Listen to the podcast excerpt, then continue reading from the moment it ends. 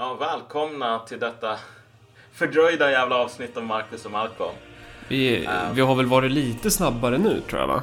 Uh, ska se här. Marcus och Malcolm. När släppte vi vårt senaste egentligen?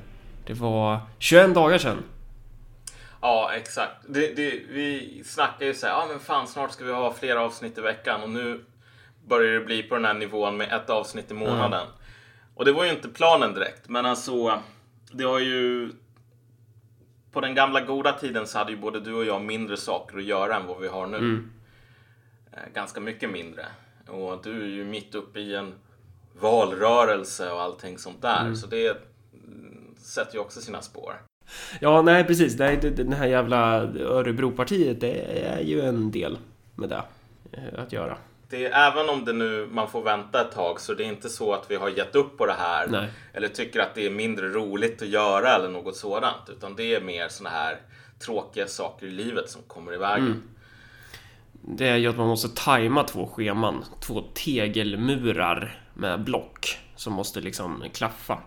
Ehm, Men vad fan, vad, finns det något att ta upp i, i introt? Du, vi, har ju, vi har ju två poddar till nu. Det är ju bra sätt Ja. när man vet att det är mycket att göra. Så det, men det är också en anledning till varför det kanske inte blir så mycket avsnitt här nu. Men du, du är ju med i den här kvartals veckopanelen. Ja, Ja. precis. Lite grann. eh, Antagligen så kommer jag bli inbjuden tillbaks om jag inte skämde ut mig allt för mycket den här gången. Ja. Men där kan man lyssna på mina kloka funderingar. Ja. Om man nu inte får nog Mm. på annat håll. Och där är du alltså med då i egenskap av att vara före detta dis- distriktsordförande för Ung Vänster Uppsala län. Jag har bönat och bett om att de ska sluta kalla mig det därför att jag inte vill bli kallad det. Nej. Men eh, det, det går trögt. Ja. Det går trögt. Men jag hoppas att till nästa gång så kommer de att kalla mig någonting annat. Alltså- Men vi får se. Alltså om man vill liksom signalera att här har vi en person som, eh, som är marxist, då kan man ju, då kan man ju skriva det. Typ marxistisk debattör eller något sånt. Ja. Kanske. Istället för, för att jag menar, det, det är ju extremt missvisande att använda det förstnämnda epitetet. Det, det säger ju inte ens sig självt att man... Alltså det, det, det är ju missvisande för var du står politiskt. Ja, det är det ju. Eh, ja, och sen har vi ju Örebropartiets podcast också, som vi har lanserat nu. Det finns två avsnitt utav den också. Det är ju typ en månad mellan de avsnitten också, men planen är att det ska börja komma lite mer frekvent. Ehm, som, som man också kan lyssna på när man känner att man får abstinens. Det kanske inte är direkt... Det är lite som Subotex och heroin kanske. Är Subotex ens eh, till för heroin? Eller hur funkar det där? Har du koll på det? Ja, Subutex är ju Mm. det här ersättning som funkar lite grann på samma sätt. Fast inte lika mycket. Så när du inte får din ordentliga dos med kommunistpodd-heroin så har du alltid den populistiska subotexen då från, från den närkinska myllan som du kan lyssna på. Ja, nej men precis. Ja, men eh, jag hör att ni har någon jävla snutjävel på den här podden. Ja, Då vill jag bara säga all cops are bastards. Jo, det är ju lite sådana reaktioner man har fått från eh, personer inom vänster som tänker att ja men jaha, hur kan ni... Hur kan Peter Springare, han är den mest reaktionära snuten i, i landet. Eh, jag, jag har inte riktigt fått det intrycket. Jag tycker han är... Nej, han är... Han, ja. Nej, nej men alltså du vet, springaren han går ut och säger så här att när det gäller gruppvåldtäkter så har det skett en förändring över tid. Mm. och det är mer kulturellt betingat nu och det sker under andra former. Mm. Bara, det här är nazism, det här strider mot värdegrunden, Mm. det här är en lögn. Expressen en månad senare, wow, 98% av de som har dömts för gruppvåldtäkt har alltså utländsk härkomst. Eh, Så jag menar, fan fascismens gränser förflyttar sig jävligt snabbt idag. Ja, ja, det går fort alltså. Exakt, och det är ju, alla är ju fascister om fascism är typ att tala om problem. Ja. Kan vem som helst vara det. Och det är lite där vi ska prata om idag. Ja, men innan vi kommer in på det så, så kan vi bara tillägga, apropå det här med poddande. Vi har ju fått lite lyssnarkommentarer. Ja, Ang- eh, ja nu avbröt jag dig. Nej, nej, men kör på. Eh, ja, men precis. Nej, men fortsätt. Det var du som började meningen. Du har fått lyssna kommentarer. Eh, Ja, men nu eftersom du avbröt mig så här så har jag totalt glömt vad jag skulle säga, så du får säga istället. Jag skulle säga att vi är jättedåliga på att eh, ta upp att vi får lyssna kommentarer. Eh, men på Twitter så, jag ser ju inte vem, det, det är något jobbigt eh, Twitternamn som börjar på O... Oet Maj kanske. Jag vet inte vad det var.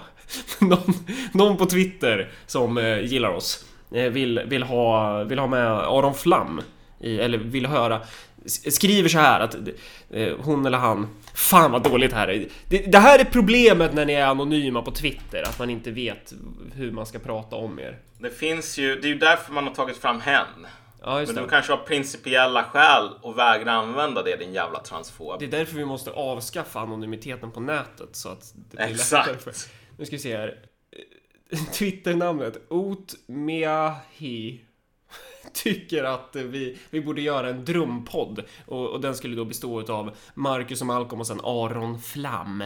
Eh, och i den ska vi då alltså behandla, så här skriver personen. Marcus och Malcolm utreder tillsammans med Aron Flam vilken överlappning, om någon, som finns mellan den socialism de förra fortfarande förespråkar och den socialism den senare vill krossa. Ja, vad tror du om ett sånt avsnitt, Malcolm? Ja, det skulle ju vara ganska intressant därför att, jag menar, Aron Flam, lite grann Gaman, en del andra är ju fast i det här att ja, det är verkligen de här kommunisterna på SVT. SVT. Ja. De är precis från Sovjet och de tycker så som kommunister alltid har tyckt. Men nej, det funkar inte så. Mm. Jag blir så jävla ledsen alltså. Eh, för att... det, det är verkligen vad jag blir. Nu när man har börjat skriva på ledarsidorna så har man ju fått väldigt många eh, personer som det på Facebook och som börjar följa en och sådär som ser sig som höger eller vad man ska säga. Och de är ju typ... De, de säger ju typ saker som att ja, men veganism är kommunism.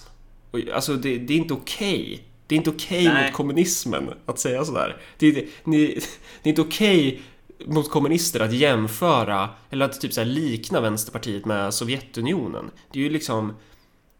Jag, jag blir ledsen. Den andra sidan på det där myntet är ju att så fort du skriver någonting så börjar folk säga Ja men vet du vad, det här är helt jävla sjukt, han måste vara moderat egentligen.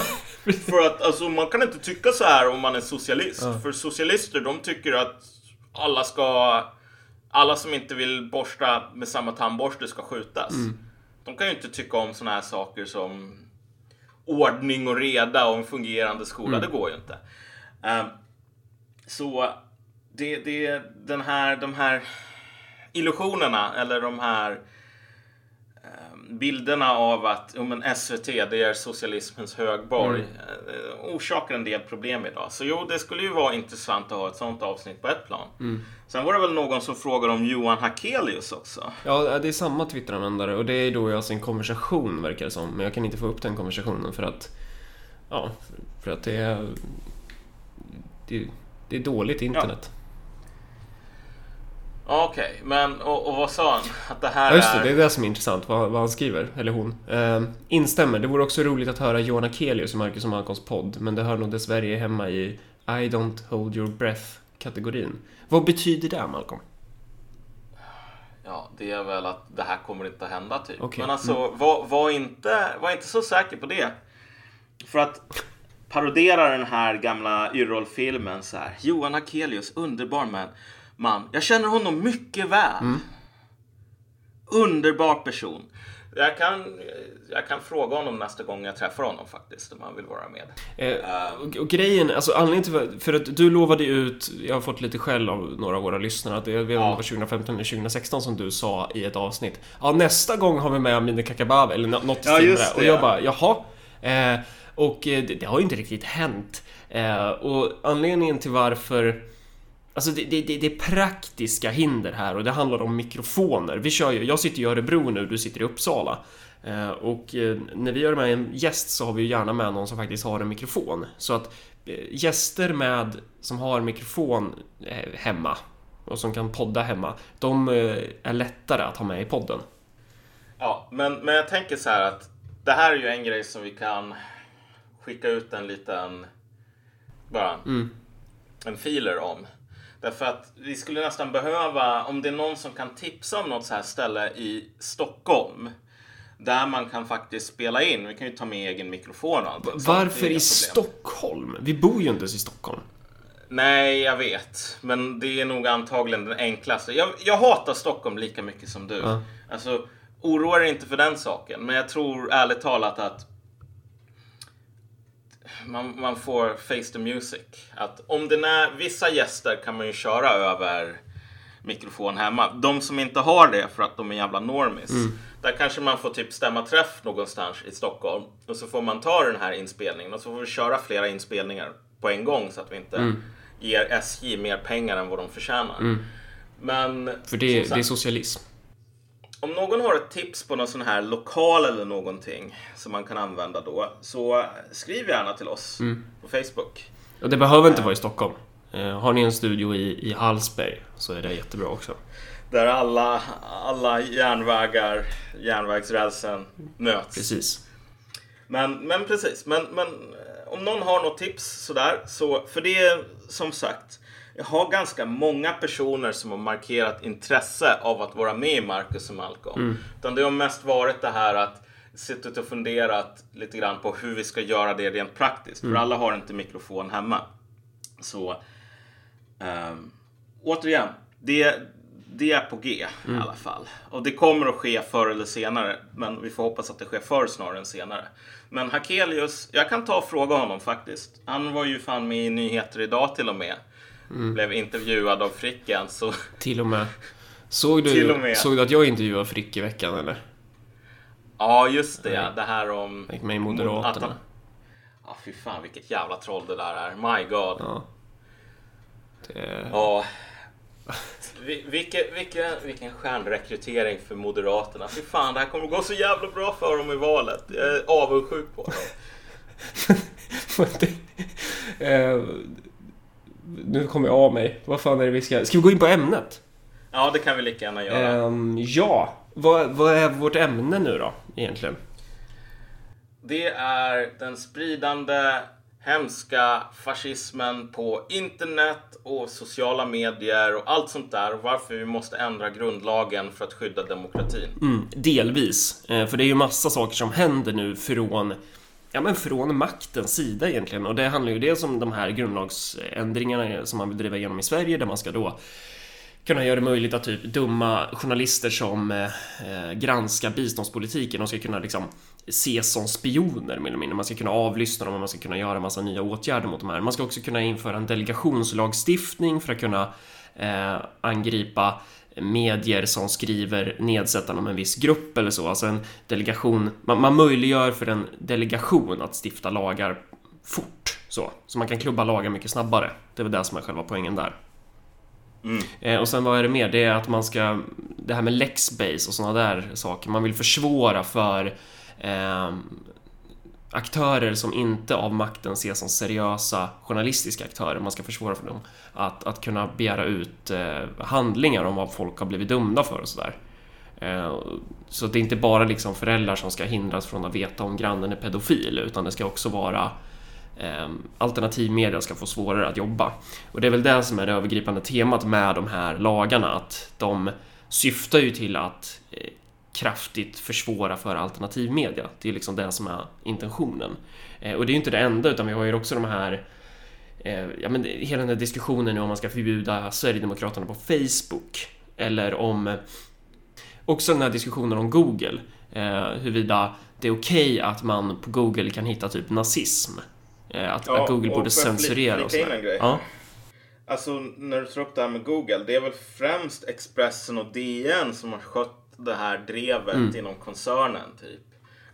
Och man, med, man ser ju verkligen hur jävla astroturfat det här är. Liksom, Mm. Alla får order, skriv minst en artikel om Google. Och så gör de det. Mm. Eh, men nu, nu, förlåt, nu avbröt jag dig här. Ja, nej, nej, precis. Och det, det är ju liksom att vi bara vill ringa in det här då, den här tendensen. För att man, det, det är ju liknande luktnyanser i de här olika reformerna om man säger så. Ja, Ehm, det är några olika, ja. Så att, ehm, dels ska ju de här eh, vad ska man säga, lagändringarna. Mm. Sen om du tänker dig, men internets hur, hur politiker ser på internet har förändrats ganska mycket Mm. de senaste tio åren. Jag kommer ihåg 2008 tror jag det var, eller nå- någonting sånt. Kanske till och med ännu tidigare, 2005, 2006. Malmö kommun sa ju, ja men vi ska ha ett kommunhus i Second Life. För att alltså du vet det här, virtuella världar, det är framtiden, internet är så jävla bra, allting kommer att bli så jävla nice nu när internet finns. Det var liksom på den, okej, det var ju ganska löjligt. Alla som är under typ 30 vet ju varför det här inte kunde funka. Jävla kommunhus i Second Life. Men du vet, man, man såg ju på det här som någonting hoppfullt. Men idag är det ju så att alla de här grejerna man ger pengar till, det är inte att bygga någon jävla eh, virtuell jävla kommunhus så att furries kan komma in och liksom pissa på möblerna. Utan nu är det mer såna här grupper som jag är här, näthatsgranskaren och så vidare. Det, det är också det här statliga samarbetet som är jävligt uppseendeväckande i och med att det här är statliga aktörer plus privata aktörer som går ihop i något sorts eh, marriage of convenience för att motverka fake news. Så att allt det här pekar ju i en riktning och det är ju att det finns en jättestor pessimism och rädsla mer eller mindre för internet, för sociala medier, allting sånt. Det här är inte en eh, hoppfull kraft som vi måste eh, släppa loss. Mm. Utan snarare en mörk potential som vi måste begränsa. Precis, det finns ett hot här. Eh, fascisterna tar över internet och fascisterna i det här fallet är ju typ så här 65-åriga Agneta som typ har skrivit att... Eh, vad har hon skrivit? Någon uppdatering om att typ man känner inte igen sig i Sverige och muslimer är farliga. Ja, Eller islamism är farligt. ja. Det, det är. Så det... Ja men exakt. Och det, och, så, tendensen är ju att man vill försöka styra, begränsa, eh, ja, censurera helt enkelt. Man, man vill ju Ja. ta kontroll på det här för det, det är så obehagligt att man inte har det. Göran Persson brukar ju snacka om det här. Eh, att han... Eh, eh, att en sak som man inte riktigt känner igen sig i idag, det är typ det här att det finns liksom nya medier. Eh, Det har jag för mig att jag har hört honom säga. Eller jag, jag har hört att han har sagt det samt jag har eh, för mig att jag har uppfattat det i intervjuer som han har varit med i. Att det är liksom, han, han, han verkar ganska ovan med det här nya klimatet. jag tror att det är... eh, Jag tror att han har det gemensamt med många av den lite äldre skolan så. Att de Ja. är ju kanske vana vid då ett eh, medialt landskap där det finns mer eller mindre ett informationsmonopol. Exakt. Och jag menar, vi ska inte gå in på Hanif Bali-gate här så himla mycket. Eh, men det som Bali, han postade ju den här grejen på Twitter där UD hade tagit kontakt med Patrik Oksanen och liksom sålt in en story. Liksom. Det här vill vi att det ska komma ut i, i, i, i media för att vi, vi tycker det här är bra. Och det var ju ungefär på den nivån man kunde hålla det en gång i tiden när media var för det första hade stor spridning och de personliga relationerna var ganska viktiga. Man hade alltid en person på redaktionen som man kunde ringa när man skulle läcka någonting eller få en viss spin eller något sånt. Och det, det finns ju fortfarande på ett plan och det visar ju också den. Men det är inte alls, man är inte ensam på täppan längre. Nej. Och är man inte ensam, då förtar det mycket av poängen. Man har inte informationskontroll. Precis. Eh, om, om, men om vi ska vi, dröja oss kvar lite vid jag är här och, och det där. Eh, för att det, det det egentligen handlar om, det är ju en ange, angiveriverksamhet typ. Ja, exakt. Det är väl att man går in och massa mäler inlägg och sådär. Ja, precis. Och det här är ju skitfascinerande på ett plan. Ja. Därför att Facebook, nu, det har ju varit mycket snack om så här, du vet Google borde ha en publisher. Från Expressen och från DNs sida. Och det är ju väldigt tydligt att det här handlar om att Expressen känner att deras position är hotad. Deras reklamintäkter är hotade och deras problemformuleringsprivilegium är hotat. Men det är inte så att typ de här 65-åriga gummorna sitter bara skriver in i Google bara Hur blir jag nazist? Frågetecken.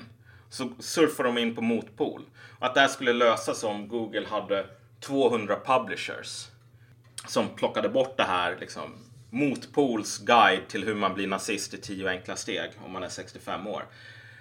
Utan den stora konkurrenten här för medierna, det är ju Facebook. Det är ganska många människor som får sina nyheter just från Facebook. Liksom, Facebook är en portal som leder in i olika nyhetssidor. Och problemet är att du kan inte lösa Facebook med publishers. Därför att en publisher är någon som godkänner på central ort material som skickas in. Som säger det här kan vi publicera, det här kan vi inte publicera. Men på Facebook är ju materialet självpublicerat. Det är decentraliserad publicering. Varje användare är sin egen jävla publisher. Bestämmer själv vad som ska läggas ut. För, för många av de här inom etablerade mediasfären, de tycker att det är så obehagligt att Sverigedemokraterna, de brukar uttrycka det som att Sverigedemokraterna har mobiliserat och det stämmer väl att de liksom har ju satsat medvetet på internetaktivism eller vad man ska säga, men det, här, det är ju också ett resultat av att det finns objektiva problem och då pratar människor ja. om det här eh, i det här rummet där det inte finns en grindvakt. För om det hade funnits en grindvakt där från första början, då hade de här människorna inte kunnat prata om det där. Och det är just därför som de här människorna inte hörs i etablerade mediekanaler, för att de etablerade mediekanalerna har grindvakter som stänger ute de här eh, människorna från mm. så. I, att uttrycka sig i samma utsträckning eller att inte då också göra att typ ta avstånd på något så här fjantigt sätt och säga nu uttrycker den här människan den här människan tycker inte att alla människor är lika mycket värda och det tar vi avstånd från. Fast det i själva verket inte alls är det det handlar om. Ja, och jag menar för att återkoppla det här lite grann till Jag är här mm. och näthatsgranskaren och lite andra sådana här grejer. Alltså, eftersom du inte på Facebook kan ha en central publisher. Jag kan inte skicka in mina jävla inlägg till Mark Zuckerberg som säger så här. Ja, ah, jag ska ta en titt på det här och bestämma om det här är värt att publicera på Facebook. Det är inte så det funkar. Så kan du inte ha den här centrala kontrollmekanismen utan du behöver angivare. Ja. Du behöver mer eller mindre, du vet, i DDR så var det ju väldigt fascinerande för det var en sjukt jävla stor del av befolkningen som var alltså, betald av Stasi. Mm. Jag kommer inte ihåg hur många procent det var men det var minst en på 20. Mm. Uh, och det där är ju en och, jävla organisation om man ska ja. eh, ha det så. Det, alltså det, det, kostar ju något, något enormt att ha det så. Men, men om det var så här att folk var tvungna att ringa Stasi, alltså av någon sån här... Av ett rent teknologiskt mm. skäl, säger vi. Innan de kunde öppna munnen. Mm. Och så trycker Stasi på en knapp som säger det här är bra eller en knapp det här är dåligt. Då skulle Stasi antagligen ha använt sig av den metoden. För den är mycket billigare än att ha 5% av befolkningen som angivare. Men, men det gick ju inte. För det man ville åt det var ju så privata konversationer och liknande. Och det var därför man var tvungen att ha så många angivare. Mm. Och det är just det som är så fascinerande att alltså, i, i vårt sån här fina demokratiska samhälle där allt som DDR gjorde var fel och hemskt. Så man har ju, det här är ju inte en, en, en Alltså jag är här och näthatsgranskaren, de är ju en sorts deputies. Liksom. Mm. Sheriffen kommer in och säger ja du ska hjälpa mig att bekämpa brott. Här är en jävla silverbricka och så åker vi ut i vilda västern tillsammans. Alltså, och de har ju sin snu, sugsnabel och försöker dra ut så mycket bidrag, demokratibidrag och vad det nu kan vara från staten, självklart. Du vet, vad man försöker hålla på med här och vad som det faktiskt finns statligt stödpengar för. Det är alltså att du ska organisera angiveriverksamhet. Näthatsgranskaren åker runt och kollar på så profiler för 65-åriga pensionärer. Mm. Och bara oj, de skriver väldigt många problematiska saker. Nu måste vi anmäla dem. Antingen till polisen eller till Facebook. Och det där är ju, vad ska man säga, Skillnaden här jämfört med DDR är väl att dels så kanske det, det skedde i mycket större skala i DDR givetvis, men, ja. men Sen var det ju staten som administrerade det i DDR. Det var liksom statlig verksamhet. Det här är ju statlig verksamhet indirekt. Det här är ju verkligen så här tecken i tiden. Det är konsult, angiveriverksamhet. Det är angiverikonsulter som man har. Exakt. Och jag menar, och det ligger ju fan i, i, i tangentens riktning att det här är någonting som man tycker är värt att göra idag. Mm. Men, men, och det här är ett återkommande tema intentionerna är skitgoda. Okej, okay, man vill hålla på med censurangiveriverksamhet. Fine. Du vet, det finns många totalitära samhällen som har gjort det. Och få samhällen har lyckats bättre än Östtyskland. Alltså den, den modellen som Östtyskland hade på sin säkerhetstjänst, den var moi. Den var, vet, det här kocken som kysser sina fingrar liksom över det här. Hur jävla bra han har gjort det. Ja. Okej, fine. Man vill komma dit. Men alltså, problemet här är ju att man inte har någon som helst tanke på att det finns ett jävla hantverk i det här och att det kräver massor med resurser.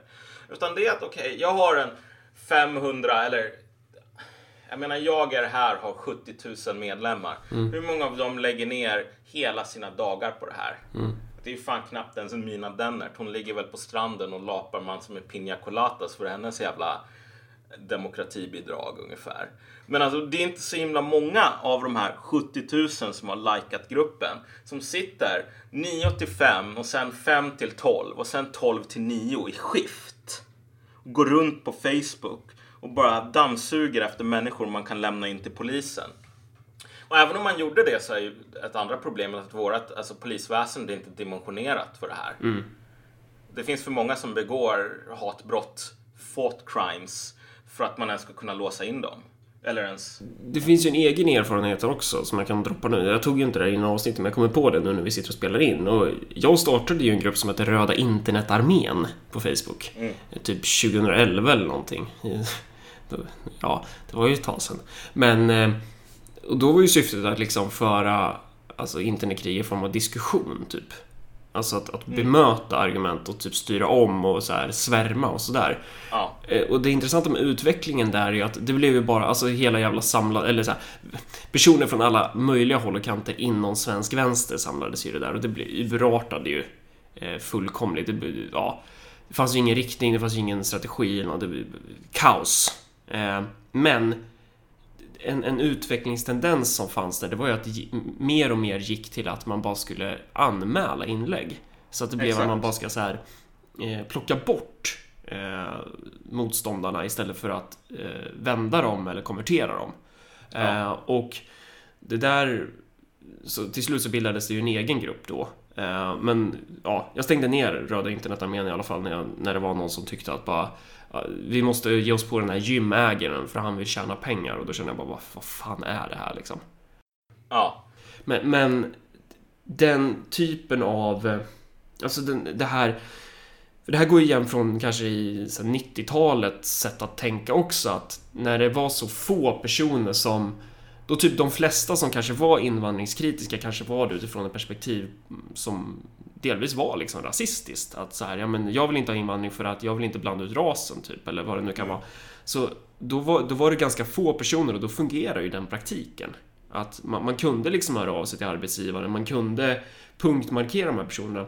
Men när man för en politik där liksom Sveriges befolkning ökar med en miljon på tio år och där det med rätta liksom finns en invandringskritik som inte då är så här att jag är emot invandring för att eh, vi, vi ska inte rasblanda eller någonting utan det typ handlar mer om att faktiskt gå in i den här frågan utifrån ett vettigt perspektiv. Så. Mm, jag, jag förstår din poäng. Eh, Det är viktigt så här för vissa tycker att vi har snöat in oss på den här frågan. Att Ja. poängtera här att det här är ju inte bara om invandring. Jag menar man har, man har tappat tron på att man kan argumentera omvända folk på så jävla många frågor idag. Ja. På typ alla. Och det är det som jag vill peka på då, att själva eh, praktikens tendens, eh, eller tendensen i praktiken, det är ju att den är reaktionär. Den är reaktionär till sin natur. Den kan inte offensivt formulera ett motdrag, utan den kan bara slå ner, förstöra, stoppa. Det är helt... Det, det är liksom ett skript som inte har en förmåga att kunna bygga. Det, det är liksom ingen settler här. Den kan inte bygga något nytt. Den kan bara Nej. demolera. Eh, och... Vad fan var det jag skulle säga nu? Röda internet... vad- vad- vad- Så att, och då när man tänker då idag då, när det finns liksom... Eh, det, det är en helt annorlunda situation. Men, men Mm. den här tendensen är kvar. Och det vi kanske visar då att de här personerna, de är ju, har ju inte riktigt örat mot marken, så att säga. Nej, exakt. Men, men, men, men inherent i den här modellen Ja, är ju att man hela tiden måste ha någon på sin sida. ja, någon auktoritet som kan bestraffa folk. Och jag menar, det är inte alltid att man har det. Eller det är inte garanterat att man kommer att ha det framöver. Så att man kan anmäla folk som typ tycker att SD är bra. Ja, men okej, men då blir de borttagna. Så behålls friden. Jag menar, det kan bli tvärtom. Att man kan anmäla folk som tycker Vänsterpartiet är bra. och Det är de som åker bort. Men man ska inte ha allt för höga förhoppningar på liksom att Facebook har någon sorts i grund och botten progressiv, vänsterliberal, feministisk agenda som de sätter högre än eh, bara ren, rena vinstintressen. För Newsflash, de har inte det. Så, så det är ju ett tecken också på strukturell svaghet att man måste låta Mark Zuckerberg ta den här fighten åt den som man inte är stark nog att kunna ta utan hans hjälp. Och Du har ju det här med Dr. Est... Dr. Estvall, eller vad var det? Ja, men ja, det är ju bra att vi kommer in på det här, för det är ju också ett sånt himla tecken i tiden. Ja. Ehm, nu, just nu finns det någon liten hashtag som jag vet inte ens om den trendar, men det är intressant att slå in den och läsa vilka jävla galenskaper som står. Och det är alltså hashtag stå upp för Dr. Estvall, eller Estvall eller vad han nu heter. Och vi behöver inte uppehålla oss otroligt länge vid honom, men han Estvall är ju det klassiska Twitter-trollet som säger åt folk Gå och dö din efterblivna jävla subba, jag ska ge dig bögstryk, liksom, jag ska knulla dig tills du dör för att du har dåliga åsikter. Och det sjuka här är ju att han är ju inte ens höger, utan han är en liksom, dedikerad antirasist och allt sånt där.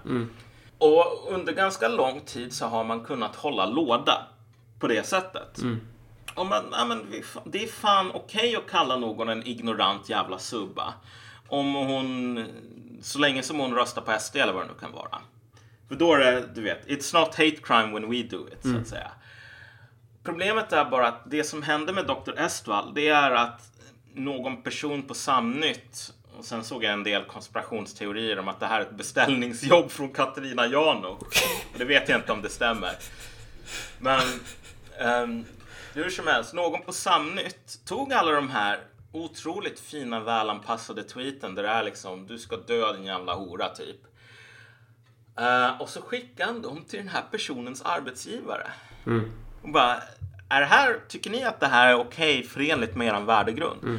Och folk gick helt jävla fucking bananas. Mm, för att man då Får gjorde... ja. Man, man, man gjorde exakt samma, samma metod tillbaka. Ja, Ja. men så här, det här är ett hot mot, ska man verkligen förfölja människor? Mm. Bara hota deras försörjning bara för deras politiska åsikter? Bara, äh, Ja. Vad fan är det som har hänt i det här landet de senaste tre åren? Mm. Jag, ser, jag kan se ganska många exempel på när det här, du vet, the end justifies the means, sa man. Ja men okej, det här är en, en, en rasistisk jävla liksom sophöger, så vad fan, ta ifrån honom hans jobb. Folk håller ju på att jubla när Sjunnesson eh, får sparken var femte kvart ungefär. För att folk kommer på att han är Jan Sjunnesson. Okej, liksom, det, om du tycker att det är så man ska hantera såna här saker, fine. Men förstå i så fall att det här kan vändas mot dig också. Men det finns inte någon sån insikt. Ingen överhuvudtaget. Utan det är verkligen det här, bara, hur får man, gö- får man göra så här? Det här är orättvist, det här är elakt. Och det är också Det är dumt. en liknande grej på så här, det är okej när vi gör det. Det är ju den här Cambridge Analytics nu. Ja. Då har det visat sig att man, eh, ja, men företag har kunnat sälja väldigt mycket information till typ politiska partier om eh, typ sociala medieanvändare. Eh, och det här är någonting som Obama använder sig av. Ja. Men, men vad är det vi läser i media? Det är ju att det är så här, Trump har ett finger med i spelet här. Men det gick att läsa om när Obama gjorde det. Men då var det alltid det här är nästa steget för demokrati. Det här är skitbra. Vi, vi måste verkligen ha det här. Och nu är det helt plötsligt ett jätteproblem. För Trump använder sig av det. Och alltså generellt brukar ju vara det, oavsett om det är spel eller någonting, den sidan som börjar gråta om att, eh, att det är fel på reglerna för att det är lika villkor, det är ju de som förlorar. Exakt. Jag menar, den stora rorsmannen Mao Zedong, må han vila i frid. Jag läste den här biografin om honom och där stod det bara så här. Mao förväntade sig ingen nåd och gav ingen heller. Och det var precis så med Kuomintang. Eller Kuomintang, eller hur man nu Det vill säga Chiang Kai-sheks parti då, eller menar du? Ja, precis. Under det här inbördeskriget. Och jag menar, fine. Det är ju en, ganska bra hållning att ha. Det är så här, eh, förvänta dig samma nivå av nåd som du ger till fienden och vice versa. Men det finns inte idag längre. Och det är ju i, i och för sig inte förvånande att dagens liksom, humanister inte når upp till den store rorsmannens taktiska och strategiska briljans. Det finns alltid den här stora auktoritetstron, tilliten till att det alltid finns någon jag menar, och det här är ju det som är så jävla sjukt på något plan. Mm. Alla de här människorna som håller på och säger all cops are bastards, vi ska inte ha någon auktoritet, vi ska avskaffa polisen för de är bara institutionellt förtryck. Mm. Det är ju samma människor som alltid förlitar sig när man slammar den där jävla massanmälningsknappen. Då kommer snälla farbror Zuckerberg, eller vem det nu är, alltid att städa undan det som misshagar en.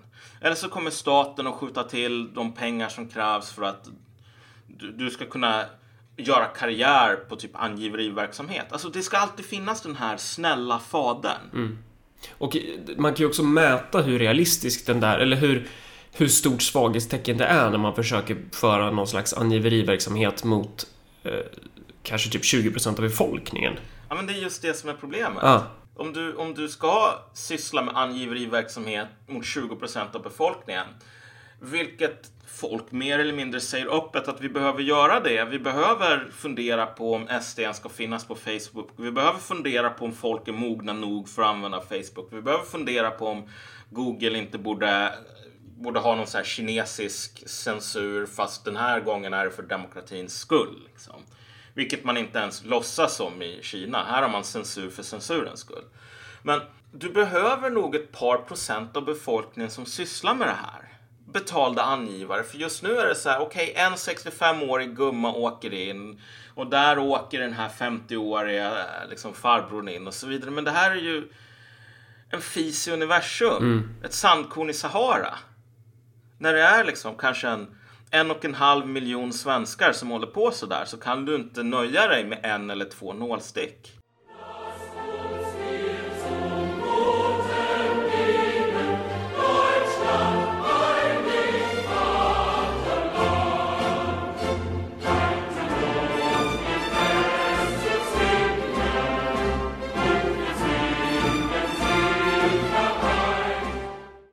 Och då glider vi ju lite in på vad, vad fan handlar det här om egentligen? Eh, Jag skrev ju någon text där på ledarsidorna om, eh, om grundlagsändringarna och typ intentionerna, men att eh, alternativmedia och liksom att människor skriver sådana här saker i sociala medier, det är ju snarare ett symptom på sjukdomen än sjukdomen i sig. Det finns ju någon slags objektiv verklighet som det här växer fram från, som det här är ett svar på. Eh, Och alternativmedia, det har vi pratat om förut, men att de svarade, de fyller, fyller ju oftast en marknadsmässig lucka som de etablerade medierna valde att inte fylla. Exakt. Eh, och det är ju... Man glider ju lätt in i den här liksom migrationsfrågan eller integrationsfrågan för att det är så intressant stickprov, men det som är viktigt att poängtera är att det är ett stickprov på en bredare tendens. Ja. Eh, för att det handlar om någonting mycket större och det handlar ju om ett politiskt system som visar upp ganska grova svaghetstecken nu. För att man kan, ju- man kan ju tänka så här att ja, men när, när politiker börjar slå på den stora trumman eller när liksom de stora mediedrakarna börjar snacka om att nu jävlar behöver vi eh, speciallagar för att kunna eh, hänga med i spelet här. Då kan man ju tänka att oj, nu, nu visar de verkligen sin styrka. Men det är ju inte vad det är. De, det är ju som en katt som reser ragg. Det är ju för att se större ut vad man är. Det, det är ett svaghetstecken där. Ja, ja, men precis. Sen så tror jag också att den andra aspekten är att man förstår inte Alltså, man är så obildad så man har, man har ingen historisk liksom, grund här. Nej, de, har, de har inte studerat DDR. Nej men exakt, för du vet, du och jag som hemska kommunister, vi har väl någon sorts liksom som i Assassin's Creed om du tänker dig. Går man in i vårt DNA så hittar man minnena från liksom, oktoberrevolutionen. Ja, Jag menar, nu skriver Så jag jag menar- Jag måste jobba på mobilen. ja, sa du? Ja. Så, så du och jag, vi vet ju på ett djupt så här, genetiskt plan eh, hur man är auktoritär och hemsk. Så här. Och jag kan bara förklara att det är inte så himla enkelt med censur. Jag menar, se bara på Sovjetunionen och vilket jävla helvete man hade med det. Och grejen med Sovjetunionen var ju så här att alltså, oktoberrevolutionen skedde i början på 1900-talet i ett land som vida ansågs vara Europas mest jävla e- efterblivna land. Mm. Läskunnigheten var, alltså den var inte hög. Jag menar, i Sverige så var den ju fan 80 procent eller någonting på eh, 1800-talet till och med. Liksom. Så, men, men land jätteefterblivet, så här, enda de här moderna institutionerna, de finns bara i de större städerna. Sankt Petersburg, Moskva och liknande. Och där håller man på med censur. Men det har ju liksom inte funnits någon fri press. Det har inte funnits det här, det fanns inte Facebook på den tiden kan jag lova. Och så säger man, ja men de här nymodigheterna, fri press och eh, fri radio och allting sånt. Det kanske det, det är lite farligt, det ska vi inte ha allt för mycket av. Utan vi ska ha kontroll på det. Och även när man hade den grejen att vi ska inte ge folk för mycket nya saker som de inte kan kontrollera. Då var det inte särskilt enkelt. Okej, s- situationen i Sverige är ganska annorlunda. Här har folk Facebook, här har folk radio. Här har, är folk vana vid att kunna gå ut på internet och gå in på de här sidorna och så vidare. Att ta ifrån folk det är tusen gånger svårare än att inte ge dem det till att börja med. Precis, tan- tandkrämen är ut ur tuben. Ja, Man kan inte bara klämma in den igen. Jo men exakt, och det är ju det som är så jävla sorgligt med de här politikerna, de här sossarna. Att de respekterar inte, eh, alltså visst det har funnits massor med totalitära regimer som har hållit på med censur och informationskontroll. Jag menar, läs hur de gjorde, läs vilka problem de har. Studera Marx och Lenin och förena er. Liksom. Men, men Alltså tro inte att man löser det här genom en liten grundlagsändring och sen så här, ja men du får böter om du skriver typ att islam håller på att ta över. Det är ungefär som Så att de har suttit på det här jävla brainstorming-mötet bara, hur ska vi hantera att vi förlorar röster? Ja men vi, vi, får, vi får förbjuda grejer. Om de skulle typ börja diskutera, hur ska vi ta oss till månen? Då skulle någon liksom säga, "Ja, vi kan bygga en, vi kan bygga en lådbil. Ja men precis. Alltså visst, det är fint att vilja ta sig till månen men om, man, om det enda eh, som man har det är så här, jag har råd med en lådbil, jag har inte Ja. råd med någonting mer. Jag menar, du har ingen business att försöka ta dig till månen. Du får vara kvar på jorden och så får du inse att det suger. Ja. Men, men så här rent konkret. Det finns inte förutsättningar. Det finns tusen olika områden som det inte finns förutsättningar här på. Vi behöver inte gå in på alla tusen, men de största är så här. Facebook går inte att censurera centralt. Du behöver antingen ha algoritmer och algoritmer är dumma medan människor är smarta. Så om du har någon så här algoritm som säger, ja, men typ förbjuder ordet babbe. Då kommer folk att börja eh, använda så här ensamkommande eller någonting. Och så kommer det här ensamkommande att gå från att vara ett ord som är fint, som liksom medierna använder för att skicka bra vibrationer till ett hånord. Och det har redan hänt massor med gånger. Typ kulturberikare, pensionsräddare. Det finns tusen sådana exempel. Så algoritmer kommer bara att slå mycket hårdare mot alltså, de som sköter sig än de som inte gör det. Eller så kan du ha angiveriverksamhet. Men då behöver du verkligen ett par procent av befolkningen som har som jobb att agera poliser åt de andra. Men om du går så långt, vad ska du låsa in de här människorna någonstans? Det finns inga fängelseplatser som bara står öppna och väntar. Nej, ju- någonstans så kanske det finns en intention i att man ska kunna skapa crowd control genom att skrämmas. Ja. Eller, eller något sånt, men det kommer ju inte heller funka för att de här diskussionerna och liksom att man pratar om problem, det är för att det finns problem. Ja men exakt. Men du vet, alltså disciplin. Det har en lång och eh, blodig historia.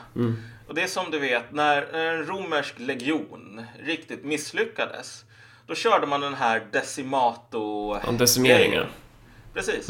Man radade upp alla på led. Var tionde person valde man ut som fick bli ihjälslagen av sina kamrater. Det var så man, man, man, man körde disciplin. Och jag menar, du kan tänka dig disciplin som funkar i Sverige, men det måste vara, kanske inte att man blir ihjälslagen, men det är så här. Var tionde pensionär som skriver såna här grejer blir hemlös. Men man är inte beredd att gå så långt. Man är inte beredd att säga så här, ja men okej, vi vet att 20% av befolkningen håller på så här. Så därför så kommer 2% av befolkningen och vi kommer konfiskera deras lägenheter, utmäta dem för de här böterna på typ 3 miljoner för rasistisk verksamhet. Men politikerna, de är för mjuka för att göra det här. Ja, men de har ju inte, de har ju inte kapaciteten.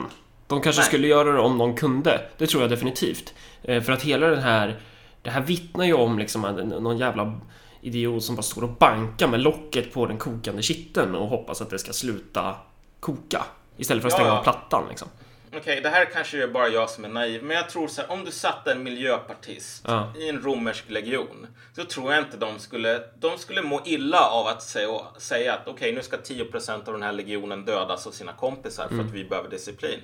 Och jag tror att de här miljöpartisterna, de, de skulle må illa av att faktiskt tänka över alltså hur jävla brutal du måste vara för att få ett slut på det här problemet som de ojar sig över. Men sen även om de sa gav order till polisen. Okej, 2% av befolkningen ska ryka. De behöver inte dödas, men de ska bli hemlösa. De ska leva i oändlig skam. Jag tror polisen skulle säga, ja okej, det här är en skitbra idé. Vi löser den efter vi har löst alla cykelstölder i Uppsala. Och Alltså man kan inte lita på de repressiva verktygen här. Nej, precis. Eh, Och det aktualiserar ju att när man börjar vandra på, i den här riktningen då kommer varje steg eh, vara en styrke, alltså en kraftmätning. Exakt. Eh, Och då gäller det att man verkligen kan för att man, man måste ju veta vad det är man ger sig in på. Det är som det här marshmallows-testet. Så här, man testar på barn, deras konsekvenstänkande. Att bara, ja, men om du får marshmallows framför dig här på bordet. Eh, om, du äter, om du inte äter den inom fem minuter, då får du en till. Och här har ju de här agerat som så att de har ju käkat upp den här marshmallowsen på en halv sekund. För de har ju inte tänkt, vad händer sen? Exakt. Eh, Men jag tänker att innan vi går in på just det här med aktualisera av, aktualisering av kraftmätning och sådär så det som ligger bakom den här tendensen, det är ju dels då att produktivkrafternas utveckling helt enkelt. Alltså det, det, teknologin har ju förändrats och så har det ju möjliggjorts då för människor att kunna dela information och kunna diskutera via internet och så. Eh, och det här har ju då underminerat informationsmonopolet som tidigare funnits i, hos en slags kartell av ett medialt klassskikt och ett politikerklassskikt. Och de här har ju länge kunnat typ kontrollera eh, opinionen. Man, man kan ju lyssna på en sån här stjärna som Anders Lindberg eh, som bland annat eh, tycker att så här, politiker ska ju styra opinionen. Det är ju vårt uppdrag, säger han. Ja. Liksom. Eh, och det är ju så de här människorna tänker, men nu så går inte det. För att de, de, de tappar makten. Så det här är ju Ja. dels ett klassmässigt svar, vad man ska säga. Det, det, eh, man kan ta ett tips här. En vän som skriver på en blogg som heter vädersolensmärke.wordpress.com. Det är ju ett väldigt långt namn och det kanske man skulle tänka på. Men ja, hur som helst. Det finns ett inlägg här som heter, vad fan heter det? Det heter Vad är vänster? Och i det inlägget, han skriver många intressanta grejer här, den här göteborgaren. Men eh, bland annat så skriver han om, nu tappar jag den markeringen. Nej, där. Eh, Andrew Abbott, en sociolog som pratar om eh, professioner och hur typ Ja. professioner agerar när de märker att deras liksom, revir är hotat. Typ så här, akademiker som måste markera att de har kunskaper som ingen annan kan tillskansa sig. Eh, då, då måste man liksom föra sig med ett visst språkbruk. Eh, man kanske behöver ha någon slags professionsstämpel från staten för att liksom skydda professionen. Och liknande kan ju skönjas här i, i de här liksom grundlagsändringarna att den journalistiska professionen, eller liksom journalistskiktet, försöker förhindra att de proletariseras, att de konkurreras ut av någon sopa i Örebro som sitter på eh, hemma och liksom skriver hemifrån till en tiondel av kostnaden. Eller att en Ja. skrothandlaren Chang Frick startar en media. Så det här är ju ett, det är ju reaktionärt drag för att slå vakt om, om en slags materiellt klassintresse. Exakt. Och det är ju det, den här journalisternas roll i det här tycker jag är så otroligt fascinerande. För jag kollade just innan vi började, för du trodde ju inte på de siffrorna. Men, men Aftonbladet är typ nere på en 77 000 ex i sin pappersupplaga. Och den andra grejen här som jag tycker är så jävla fascinerande, det är att på, från första kvartalet 2016 till första kvartalet 2017 så skulle alltså pappersupplagan ha sjunkit med en 23 procent, nästan en fjärdedel, på ett jävla år. Så alltså Aftonbladets papperstidning kommer inte att vara med oss så himla många år till kan jag lova. Alltså med, med utvecklingen som det ser ut nu. Och vad händer när den tidningen försvinner? Och de enda som Aftonbladet har anställda, det är tyckare på nätet. Det är liksom Joakim Lamotte. Ungefär på den nivån. För, för det här med proletariseringen i journalistkåren, den är ju så jävla påtaglig. Samtidigt som den här proletariseringen har skett så har man efterhandskonstruerat någon sorts... Man har fått den här medelklassidentiteten. Ja. Den här att man är någon sorts jävla akademiker ungefär. Eh, som, som inte alltid har funnits heller för den delen. Därför att journalister under lång tid av när vi har haft så här yellow papers och liknande. Eller yellow press tror jag det kallas. Journalister, de har ju varit, ja men det är som sotare. Du vet. Du, du säger jag vill bli sotare och så behöver du hitta någon sotare som säger ja men okej, jag, du får hjälpa mig med de enkla sakerna på jobbet medan jag lär upp dig ungefär. Eh, och det var så man blev journalist en gång i tiden. Man, man gick inte på liksom fem år på Södertörn eller vad det nu är. Utan man, man, man började jobba i tryckeriet för att man kände någon som gjorde det och så fick man skriva de här skitnotiserna och sen fick man skriva lite större grejer och sen jävla lärjungesystem typ. Men alltså en person som Joakim Lamotte idag som inte har gått igenom den här fina ritualen plugga på Södertörn. Han, han har säkert pluggat Journalisthögskolan, det har han väl? Har han? Ja, jag vet inte. Ja, vi, jo, vi vet fan. ju inte det, så tänk, tänk dig för. Men poängen är väl liksom att... Eh, Ja, men han skulle inte... Alltså, det är ju irrelevant för hans nuvarande yrke. Men nu när du säger det så tänker jag på att han har ju i alla fall försökt ta sig in i, i liksom finrummet innan han... men han, han jobbade ju för Uppdrag granskning. Ja, precis. Så jo, han kan säkert ha gått på eh, liksom, ha utbildning och alla credentials. Men det spelar ju ingen roll. Det är ju ingen som vill erkänna dem idag. För han är ju, han är ju en utböling. Men, men poängen är bara att du kan vara en utböling och du kan ändå nå ut till ungefär lika många som en... Jag menar, nu har jag inte några siffror på det här framför mig, men det skulle inte, jag skulle inte tvivla på att Lamotte når ut till kanske mer personer än DNs jävla nätupplaga. Eller liksom någonstans där i faggorna. Ja, han, han golvar ju helt klart de här stora lokaltidningarna i alla fall. Det Ja. gör. Det Ja, gör ju för gör fan han. Nyheter Idag liksom. Ja.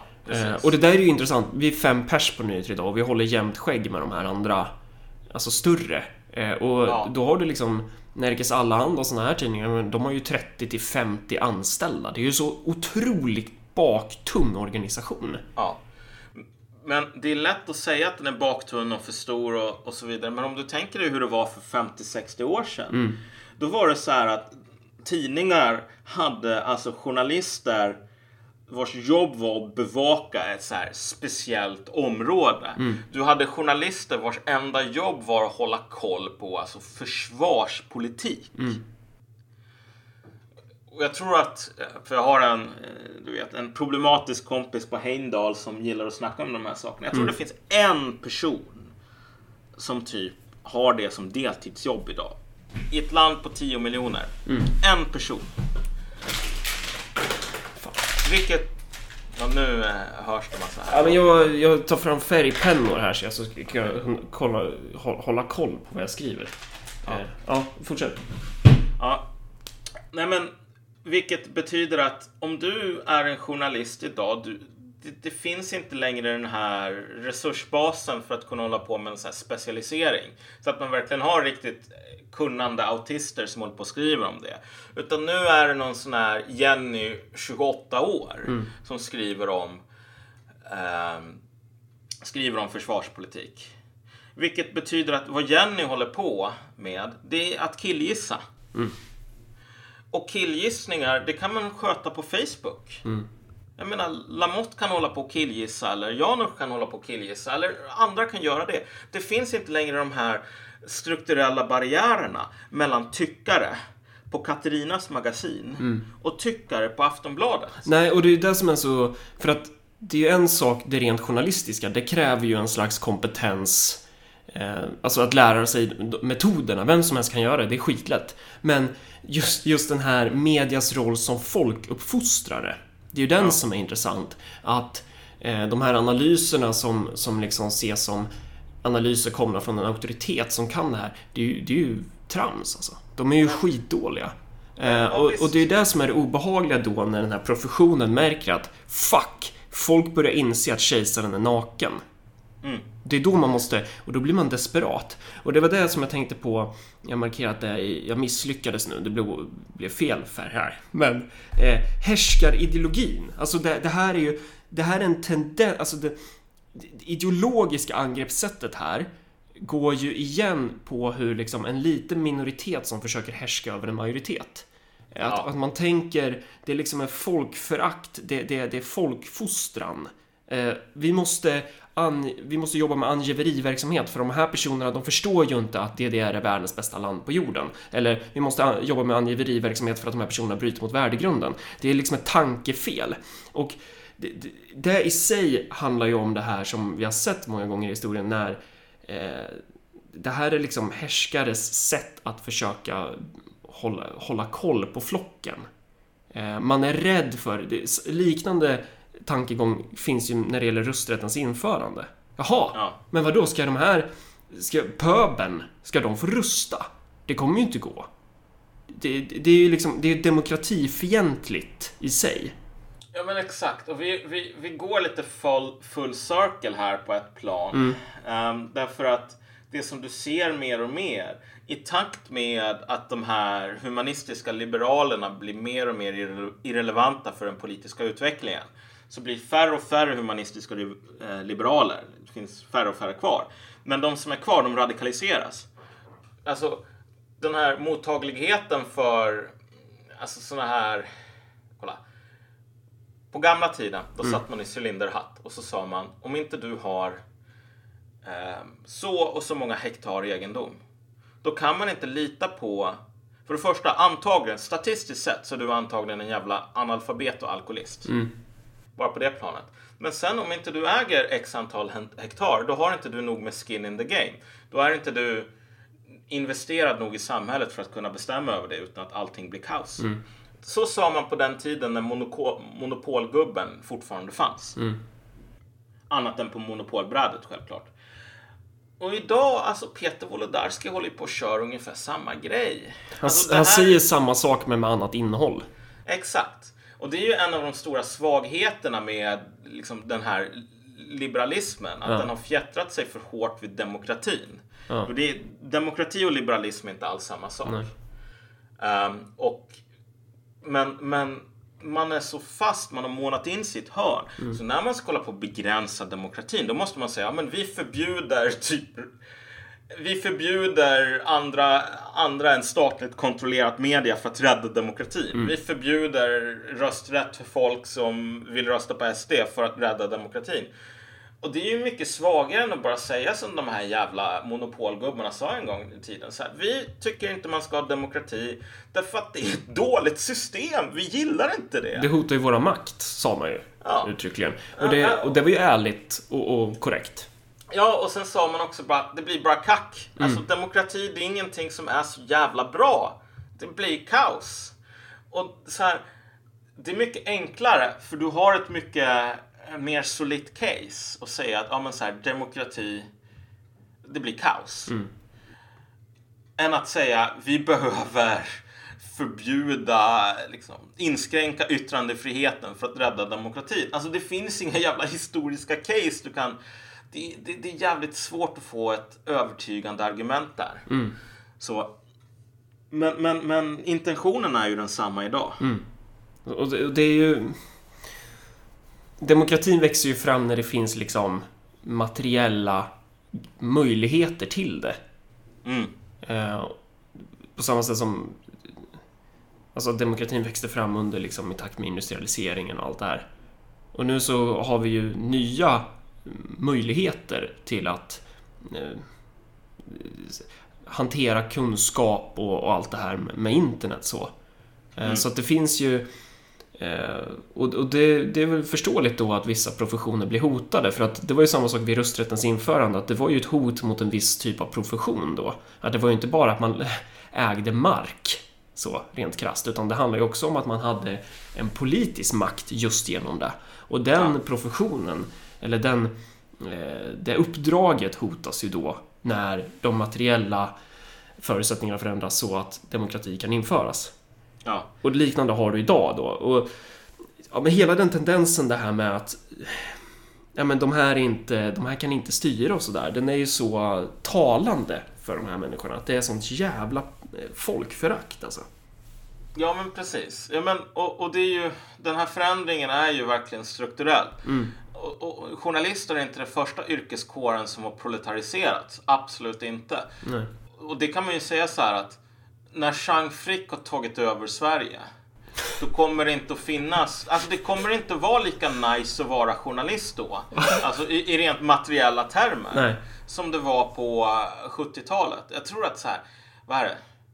Jag, jag har inte de riktiga siffrorna i skallen, men jag tror typ Anders Lindberg, han måste nog tjäna en så här 70 000 eller över, kanske till och med 80 000. Han tjänar ganska bra pengar i alla fall. Du vet, det kommer inte att finnas kvar i Jean Frick Sverige. Eh, Chang Fricks Sverige. Det kommer inte finnas kvar i vårt Sverige heller. Nej, nej men precis. Men alltså, det kommer inte att finnas kvar i, i, i Tyskland eller Kanada heller. Därför Nej. att de här strukturella förändringarna ser ut på ett visst sätt. På samma sätt som lärare Mm. på ni- 1910, det var ett jävla högstatusyrke. Mm. Det var så här, övre medelklassyrke. Idag är det det som du blir om du är för dum för att läsa tidningen, typ. Uh, så här, för nej, det, det, det är typ som att bli eh, jobba som så här galärslav ungefär. Eh, det, det, det, du vet, ibland så lurar man in folk i det här jävla opium eh, hålan liksom och sen så kedjar man fast dem vid galärerna sen. Men det, det är inte direkt ett, ett yrke, om vi säger så, som är förknippat med framtidstro och typ hög lön, hög status. Och, eh, men, men bara en sak här. Och det är att jag har läst ganska många artiklar, eller i alla fall två, tre, fyra stycken. Aftonbladet Kultur, Expressen Kultur. Nu var det här flera år sedan i och för sig. Men, men där man håller på och klagar och på just den här proletariseringen. Du vet, det går inte att betala lika bra.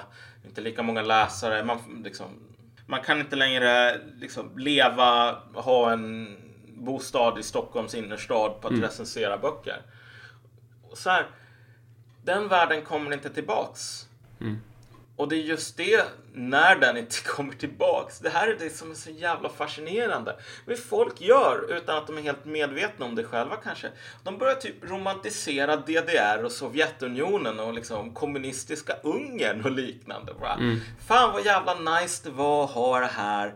Du vet, ordning och reda, informationskontroll, inte massor med misshagliga åsikter, man fick inte hota regimen. Och bara så här, Alltså det är ju en sanning med modifikation. Menar du då att de romantiserar fast utan att veta om att det är just det de romantiserar? Ja, precis. Ja, de romantiserar metoden alltså. Ja men exakt, de romantiserar att det ska vara så jävla nice bara så här ha lite ja, men du vet, så här, frihet under ansvar. Eller vilken eufemism man nu väljer. Jag vet inte vad kineserna kallar det, men det är väl säkert något sånt så här. Du vet. Det måste vara självklart fritt och öppet, men det får ju inte gå överstyr.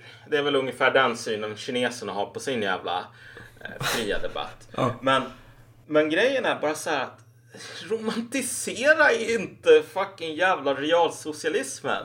Därför att visst, de här grejerna kanske fungerar, men det är ganska smutsigt. Det är ganska mycket jobb. Det är ganska mycket mm, negativa sidoeffekter. Om, du, om du läser på den här bipacksedeln och ser alla biverkningar och ser all jävla skit du kommer att få eh, stå ut med liksom. Av den, typen av, av den typen av meto- metodik, ja. Ja. Men det är ju det som är, och det här, för att hela det där eh, tankesättet är ju liksom att eh, det är ju motsatsen till alla människor är lika mycket värda eller Så. Ja. För att det är ju det är ju diametrala motsatsen. Det är ju verkligen så här. Ja, men det, de här personerna är oförmögna att tänka. Som typ nu Örebropartiet la ut nu en, en meme på att Rakhmat Akilov har fri tandvård, en fattig pensionär och inte det.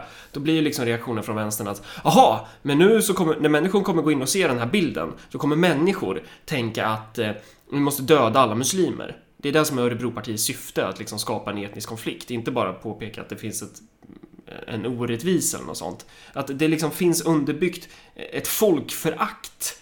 Eh, Man tänker att personer är inte förmögna att kunna ehm, att, att kunna fatta vuxna beslut. Så. Det, Ja, men exakt. Men jag känner bara så här. För mig, den slutsatsen som jag drar och som jag tror folk som inte är psykopater drar, det är så här. Antagligen så måste vi se till så att pensionärerna får gratis tandvård innan Rakhmat Akilov. Det kanske inte ens är något negativt att han får det. Men om man bara får välja en. Alltså pensionärerna måste tas om hand först. Av den enkla anledningen att så här. Du vet, det här är människor som för det första har jobbat i, i landet under ett helt jävla arbetsliv. Man kan inte bara lämna dem på soptippen för människor som inte har bidragit. Sorry. Och sen om vi har oändligt med pengar, fine. Jag har inget problem alls med att Rakhmat Akilov får ett jävla gymkort liksom. Men, men återigen, den här idén om att det här skulle vara, ja men vet du vad, det vi egentligen vill göra är att döda muslimer.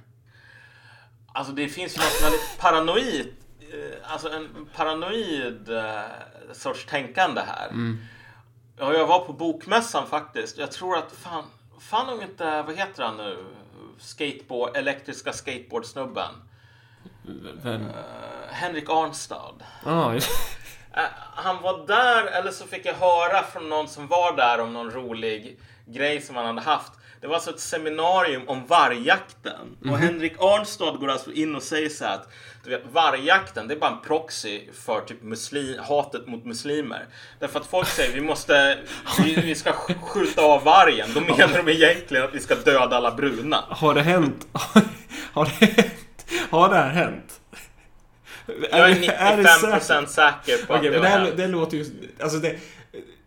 Här, jag jobbar på nyheter idag. Jag har lärt mig att vad man än kan koka ihop så kommer verkligheten alltid vara värre. Så. Ja. Men, men är du Men- säker på att det har hänt? Eller är det så att man har kokat ihop det här? Nej, jag är inte 100% säker, men Arnstad får ta den här faktiskt. Det kan vara så att jag har fel, men jag är 90%, 95% säker på att jag inte har det här. Okej, mm. Men, om, men om du tänker dig, alltså egentligen om vi plockar isär det här, det här är ju inte så himla absurt uttalande, för det följer precis samma liksom, intellektuella struktur som den som vi just var inne på.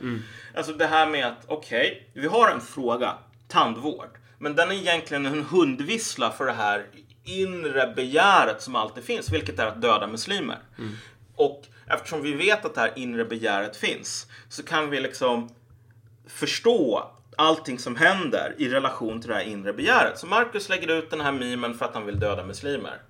För varför vill han döda muslimer? Jo, för att han lägger ut det här memet. Perfekt cirkelresonemang. Och jag menar egentligen är det så långt steg ifrån att säga så till att säga att ja, vet du vad?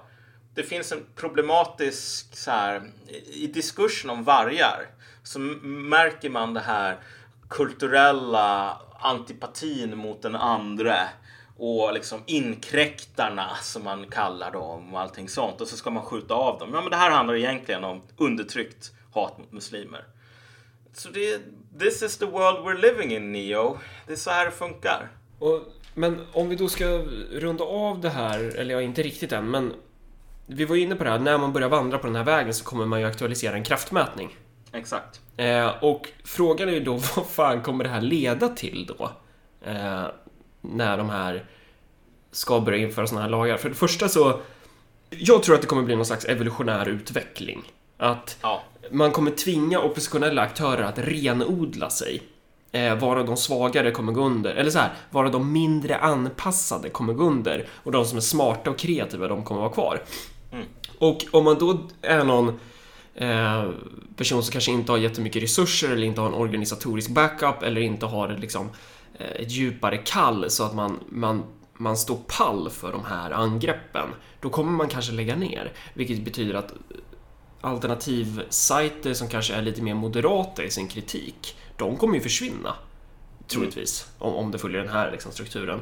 Och alternativsajter som är mycket mer hardcore i sin kritik, mycket mer brutala, de kommer ju vara kvar. Man kommer ju också skapa materiella incitament för att förflytta verksamheten till utlandet. Och då har man ju helt plötsligt skapat det, då har man ju fått nya problem i knät. Så att det är ju så, det är så jävla... Fan! Fan vad dåliga de är på, på Ja. det här. Men alltså nyheter idag, det är inte en dyr operation. Nej. Nej. Säger sig. Och det är också någonting som är ganska enkelt. Man kan flytta servrarna utomlands och man kan anonymisera. Ehm, och om man inte kan göra det, vilket man självklart kan, så det är inget problem. Men i den världen man inte kunde göra det, så skulle folk, de skulle länka så här anonyma bloggar och liknande istället där man skriver om de här sakerna och så skulle man, alltså om du tänker dig att de här onda, liksom, hemska rasisterna, fascisterna som utgör 20% av Sveriges befolkning idag. Att informationen inte är stämplad av SCB är ju inte negativ. Det är ju inte någonting som förtar kraften i de här berättelserna. Tvärtom.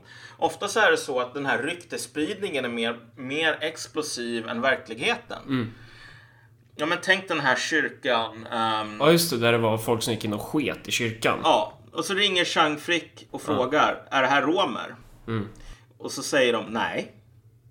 Jag menar, vi säger att vi tar bort Chang Frick ur ekvationen. Kommer det här att leda till mindre hat mot romer? Antagligen inte. Ehm, och så, så där, du vet, man kommer att hitta de här alternativa kanalerna jävligt snabbt. Och man kan, liksom den här förmågan att övervaka Facebook och liknande. Alltså, det går.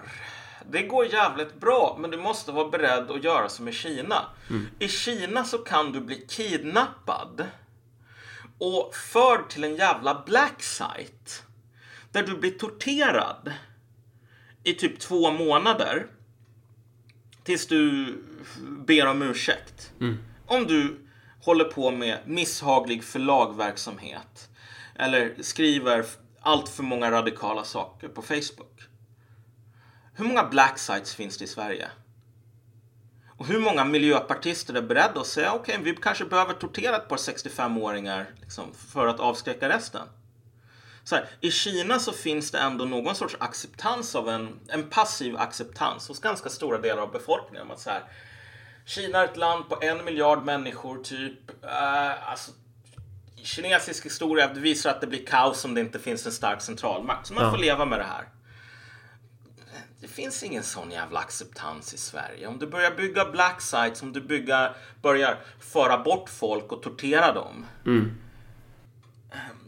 Då kommer folk att klaga. Men det finns inte ens människor som, som kan tortera. Vi måste liksom importera den jävla expertisen. Vi Ja, måste och- importera tortyrredskap och tortyrkammar utomlands ifrån. Vi Ja, har det, noll. Det är ju inte så jävla svårt. att- Det, men, men däremot så har du väl problemet med... Eh, alltså du måste ju ha en poliskår som backar upp det här. Du måste ju ha... Ja, vi- vilka divisioner har du här? Alltså, men- och, och det är ju det som inte finns. Ja men exakt, men det är just det som är grejen. Du kan Mm. inte sätta typ en jävla 30-årig kvinnlig polis direkt från polishögskolan på typ tortera människor. Alltså, annat än, du vet, man kan, man kan sluta jobba som polis om man inte gillar tortyr. Och de flesta människorna, de, det här är någonting som man måste tränas in i typ. Mm. På, samma sätt som man måste tränas in i att kunna döda andra människor. Ja, framförallt så behövs det ju ett ideologiskt mindset som kan Ja. alltså, legitimera det. Men om, alltså, om 20% av... Alltså, nej, det är så jävla idioter. Men, men, Ja. men... Och det är också intressant, varför väljer man den här metoden istället för metoden, nu, klyschan, att, att prata med varandra eller att försöka vinna de här människorna, att försöka övertyga dem? Kan det kanske handla om att i, i hela den här soppan så är eh, politikerskiktet och dagens makthavare att deras existens är ju på något sätt kopplad till att de här problemen finns. Att det är liksom man, man väljer att inte försöka vinna människor för man vet att man måste göra egna avkall. Man vet Ja. att det hotar ens egna, inte bara kanske eh, alltså det, det hotar ens egna privilegier. Det hotar ens maktposition. Ja. Och det är väl det som är lite vår take på det här kanske, att strategin måste ju vara att... Eh, mm, att istället för att försöka block... Vad var det Mao sa? Han sa väl det att i tider av storm så bygger vissa vindskydd och andra bygger väderkvarnar. Ja, precis. Han sa också förenade många för att isolerade få. Mm. Må han vila i frid. Men, men alltså, och jag menar, det här är väl lite grann det som är grejen. Det är ju, det är ju symptomatiskt typ. Okej, okay. Örebropartiet kan lägga ut denna meme och det blir ganska många sura miner från mm. Liksom the peanut gallery här. Mm. Men så här, anledningen till att man lägger ut den är ju för att man har lite för högre förhoppningar mm. på den svenska befolkningen än att du vet, man ser det här och så tänker man nu ska jag döda alla muslimer. Nu ska jag döda Amineh Kakabaveh.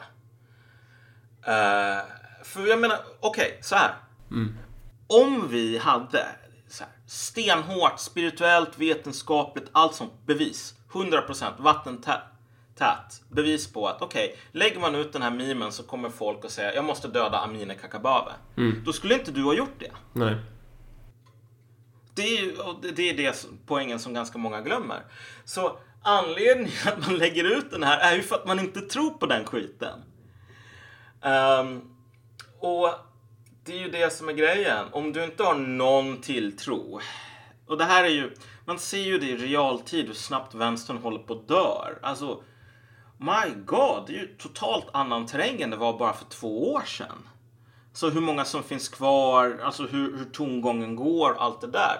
Det här är en, en, en rörelse inom citationstecken i liksom avancerad eh, state of decay. Men man, förlitar, man litar inte längre på att typ folket, vanliga arbetare, är ändå rättvisa och vill ha ett någorlunda liksom rättvist och bra samhälle att leva på. Det litar man inte på. Och man litar inte på sin egen förmåga heller att kunna övertyga. Nej, exakt. Och det är det som är att då om man återgår till det här, varför, varför försöker man inte vinna människor? Det är för att man har inte kapacitet. Man vet ju inte hur man vinner människor. Man kan Nej. inte det. Man kan inte värva människor, man kan inte prata med folk. Man har inte de verktygen och därför kan man inte... Alltså, det, det finns liksom inte ens den sortens strategi. Ja. Nej men alltså, och det sorgliga här att när man inte längre litar på folket och när mm. man inte längre litar på sig själv. Vad är den sista liksom utvägen? Det är fan Kina. Det är the great firewall. Mm. Och det är bara så här, det kan säkert vara någon lyssnare som tycker att det är jättelöjligt. Vi sitter här och talar om poliser, repression, tortyr, bla bla bla. Så här, ja, här är pojkrummet gånger hundra. Men alltså seriöst. Det här är så som det funkar i länder som Kina och Ryssland. Om du vill ha informationskontroll, om du vill kunna eliminera misshagliga element och kunna se till så att folk bara tycker rätt saker. Alltså, du måste fan vara beredd att stirra liksom, vad du håller på med i vitögat. För annars så kommer du inte ha modet och styrkan att göra det. Mm. Du måste betala the iron price, som man säger i den här hemska tv-serien Game of Thrones. Ja. Om du inte är beredd att betala the iron price, då kommer du inte du kommer aldrig kunna göra någonting effektivt. Så här. Och det är just det som är grejen. Hur många är beredda att betala the iron price? Mm. Och det gäller ju också inte bara vissa små politiska organisationer som saknar verktygen att finna människor. Eh, för att det, det skulle kanske krävas att man måste anpassa sig och kanske gå, gå ifrån den här dygden av att vara likadan i 10 år. Eller 50 år eller vad det nu är. Eh, utan det, den här tendensen finns djupt inrotad i Sveriges politiska etablissemang. Eh, mm. Man har inte förmågan att vinna människor. Man, man har glömt bort hur man gör. Det var liksom, det var ju tre generationer sedan man jobbade med att vinna människor. Nu jobbar Nej. man ju med de här liksom ruinerna, de här strukturerna. Ja, men vi, får, vi får arbeta med LO och de ska ge oss pengar. Alltså man, man har inte förståelsen för hur maskineriet funkade. Det finns ju en ganska det har säkert inte hänt, men det finns ju en anekdot när Khrushchev var på besök i, i Sverige. Så ska han ju ha sagt då att liksom Alltså de här Sovjetunionsdelegationerna blev väldigt eh, imponerade av svenskarna för att de sa att bara, ja, eh, Socialdemokraterna i Sverige har ju, alltså de har ju implementerat proletariatets diktatur utan att någon har märkt det. Ja. De, de, de satt, vad fan var det, 44 år på makten. Alltså det, det är en lång jävla tid. Eh, och så, som demokrat eh, så tycker jag att det är väl där man ska titta på så här, hur... Jag tror att nyckeln ligger där i att försöka... Eh, alltså en, en, en hållbar regim eller ett hållbart styrsätt eller hållbar... Eh, vad man ska kalla det. Det är ju den som har örat mot marken och som faktiskt kan leverera tillbaka. Och då kommer vi återigen in i det här med representativa demokratins problem idag. Att dagens politiker kan inte lösa väljarnas problem. Mm. Det, det, är snarare en konflikt mellan de här. Ja. Men du vet, Sun Tzu sa ju eh, någonting i stil, jag har inte citatet Strategi utan taktik, taktik, eller? Ja, strategi utan taktik, det är en mödosam väg fram till seger. Mm. Taktik utan strategi, det är Bullret bara före nederlag. Ja, precis. Och det är precis där vi är. Mm. Vad vi har är politiker och journalister som föreslår massor med taktiker. Kan vi inte massanmäla? Kan vi inte förbjuda? Kan vi inte tvinga Google att ha en publisher? Men de har ju ingen strategisk överblick så här. Vad har andra länder gjort? Vilka, vilka situationer har de gjort saker? Alltså, hur funkar det i Kina där man har bra kontroll på sociala medier? Vad gör folk där? Så här, har vi människor som är, kan göra de sakerna? Har vi fängelseplatser nog? Ja, överhuvudtaget nu när vi har haft demokrati i hundra år finns, ja. finns det liksom ideologiska grund... Är det möjligt att göra sådana? För att Kina är Kina. De har, ja. de har inte haft demokrati. De vet fan inte vad det är liksom. Exakt. Så liksom det är bara att man, man gör de här små nålsticken ja. utan någon sorts idé om varför nålsticken görs. Nej, precis. Man bara liksom abstraherar eh, alltså praktikerna. Så. Ja. Och jag menar, och det är det som är grejen. Det här kommer att bli en jävla pannkaka. Mm. De här försöken till att bygga en svensk liksom, Great Wall of China. Ja, det, kommer, det kommer att vara någon sosse som får för sig, vi använder det här typ två gånger. Sen kommer man inse, wow, när man använder den här sortens repression, mm. då händer de här grejerna som vi inte har tänkt på. det här är inte så jävla bra. Och när man, när man liksom ger upp om att lära sig att vinna människor, för att det, det har ju inte varit det som är det centrala för att göra politisk karriär idag. Då kommer ju andra aktörer lära sig det. Ja, exakt. Så, så Den... återigen, så här, oppositionen kommer renodlas, motsättningarna kommer ju skärpas. Ja, och vi kan avsluta med den här Dr. Estwall-grejen faktiskt. Mm. Vänstern stod där med sina jävla eh, liksom curlingkvastar av eh, organiskt jävla svanmärkt kamelhår.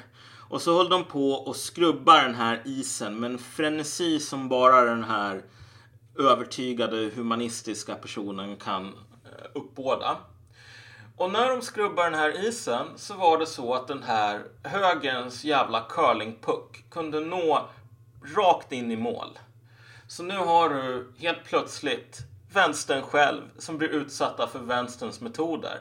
Och nu är det inte längre någon som säger så här. Det här är helt jävla sjukt. Så här borde inte man göra i ett jävla demokratiskt samhälle. Det var det folk som sa i början när vänstern använde den här sortens metod, då sa folk så här borde det inte vara. Men nu säger folk, du vet, svinhugg går igen. Jag tänker inte gråta över det här, säger folk. Och det är ju inte bara där som man har skrubbat isen, Nej, utan det här sker inte. på statlig nivå också. Så grundlagsändringarna i sig, de kommer ju vara kvar om de går igenom. Grund, eh, och om ja. den här regimen fortsätter liksom gå eh, på den här riktningen, då kommer de gå under och då kommer det komma nya aktörer som inte kanske, alltså, och där vet vi ju inte, hur kommer de jobba med, dem, med det här juridiska ramverket som de de facto får ärva tack vare att dagens jävla ja. makthavare är så jävla dåliga. Alltså, alltså grund... det, det, det är ju Nej, fy fan alltså. Nej, grundlagsändringen är verkligen ett genidrag. Det är verkligen, man ser ju att alltså, de, de ryska SD-spionerna har infiltrerat toppen av socialdemokratin. Ja. Därför att för SD så är det så här. Så länge som man är i opposition, då kan man säga vi gör det här till en valfråga. Vi står emot det här. Den här grundlagsändringen är sjukt dålig. Den sätter ett farligt jävla, statuerar ett farligt exempel. Och så kan man vinna röster på det. Och sen när man, när väl socialdemokratin blir liksom Sveriges andra eller tredje största parti. Mm. Vilket kanske händer det här valet. Det är, det är inte omöjligt att, att alltså SD blir större. Jag trodde aldrig, eller jag trodde inte aldrig att jag skulle säga det, men jag trodde inte jag skulle säga det 2018 i alla fall. När SD kommer in, jag kan garantera dig att de kommer upptäcka att den här grundlagsändringen, den var fan ganska nice ändå. Användbar mot vissa människor. Så då kommer man att vara ganska mycket mer tyst om det. Så här har man fått en jävla, alltså det är ju Krona, SD vinner, Klave, sossarna förlorar. Det är så jävla genialt. Och när vi säger liksom att här, det kan vara en bra idé att här, studera marxismen och det kan vara intressant att här, lära oss av DDR och Sovjetunionen. Då säger ju inte vi det i syfte att så för att vi vill bygga DDR och Sovjetunionen. Vi säger ju det i syfte av att vi vill undvika att hamna där. Vi vill ju ha en, liksom en demokrati. Mm. Det är därför vi pratar om det här. Eh, men ja, man hör väl vad man vill höra helt enkelt. Ja, nej, men precis. Ska vi eh, avsluta på den punkten? Ja, Då ska jag, innan du stoppar, eh, så ska jag bara... Så, då ska vi avsluta med lite Swish-populism här i dess renaste bemärkelse. Örebropartiet bedriver ju en insamlingskampanj för att vi ska kunna nå ut mycket mer nu. Eh, Så att, ja, vill du se Marcus Allard eller Peter Springare i, i kommunfullmäktige eller regionfullmäktige, vilket du ju såklart innerst inne vill, liksom, så eh, swisha pengar till Örebropartiet då så att du ökar chansen att vi kan komma in och ställa till med djävulskap. Eh, eller bara för en annan sorts politik som kanske är något vettigare. Eh, och du kan då swisha pengar till 123 043 99 43. Alltså 123 043 99 43. Eh, Märk insättning med gåva. Eh, och har du inte swish eh, så kan du ju sätta in pengarna på plusgirokonto 71 49 78-4 alltså 71 49 78-4 märk insättning gåva och det var väl allt för oss för den här gången ja, ja. Hej hej Tack så mycket.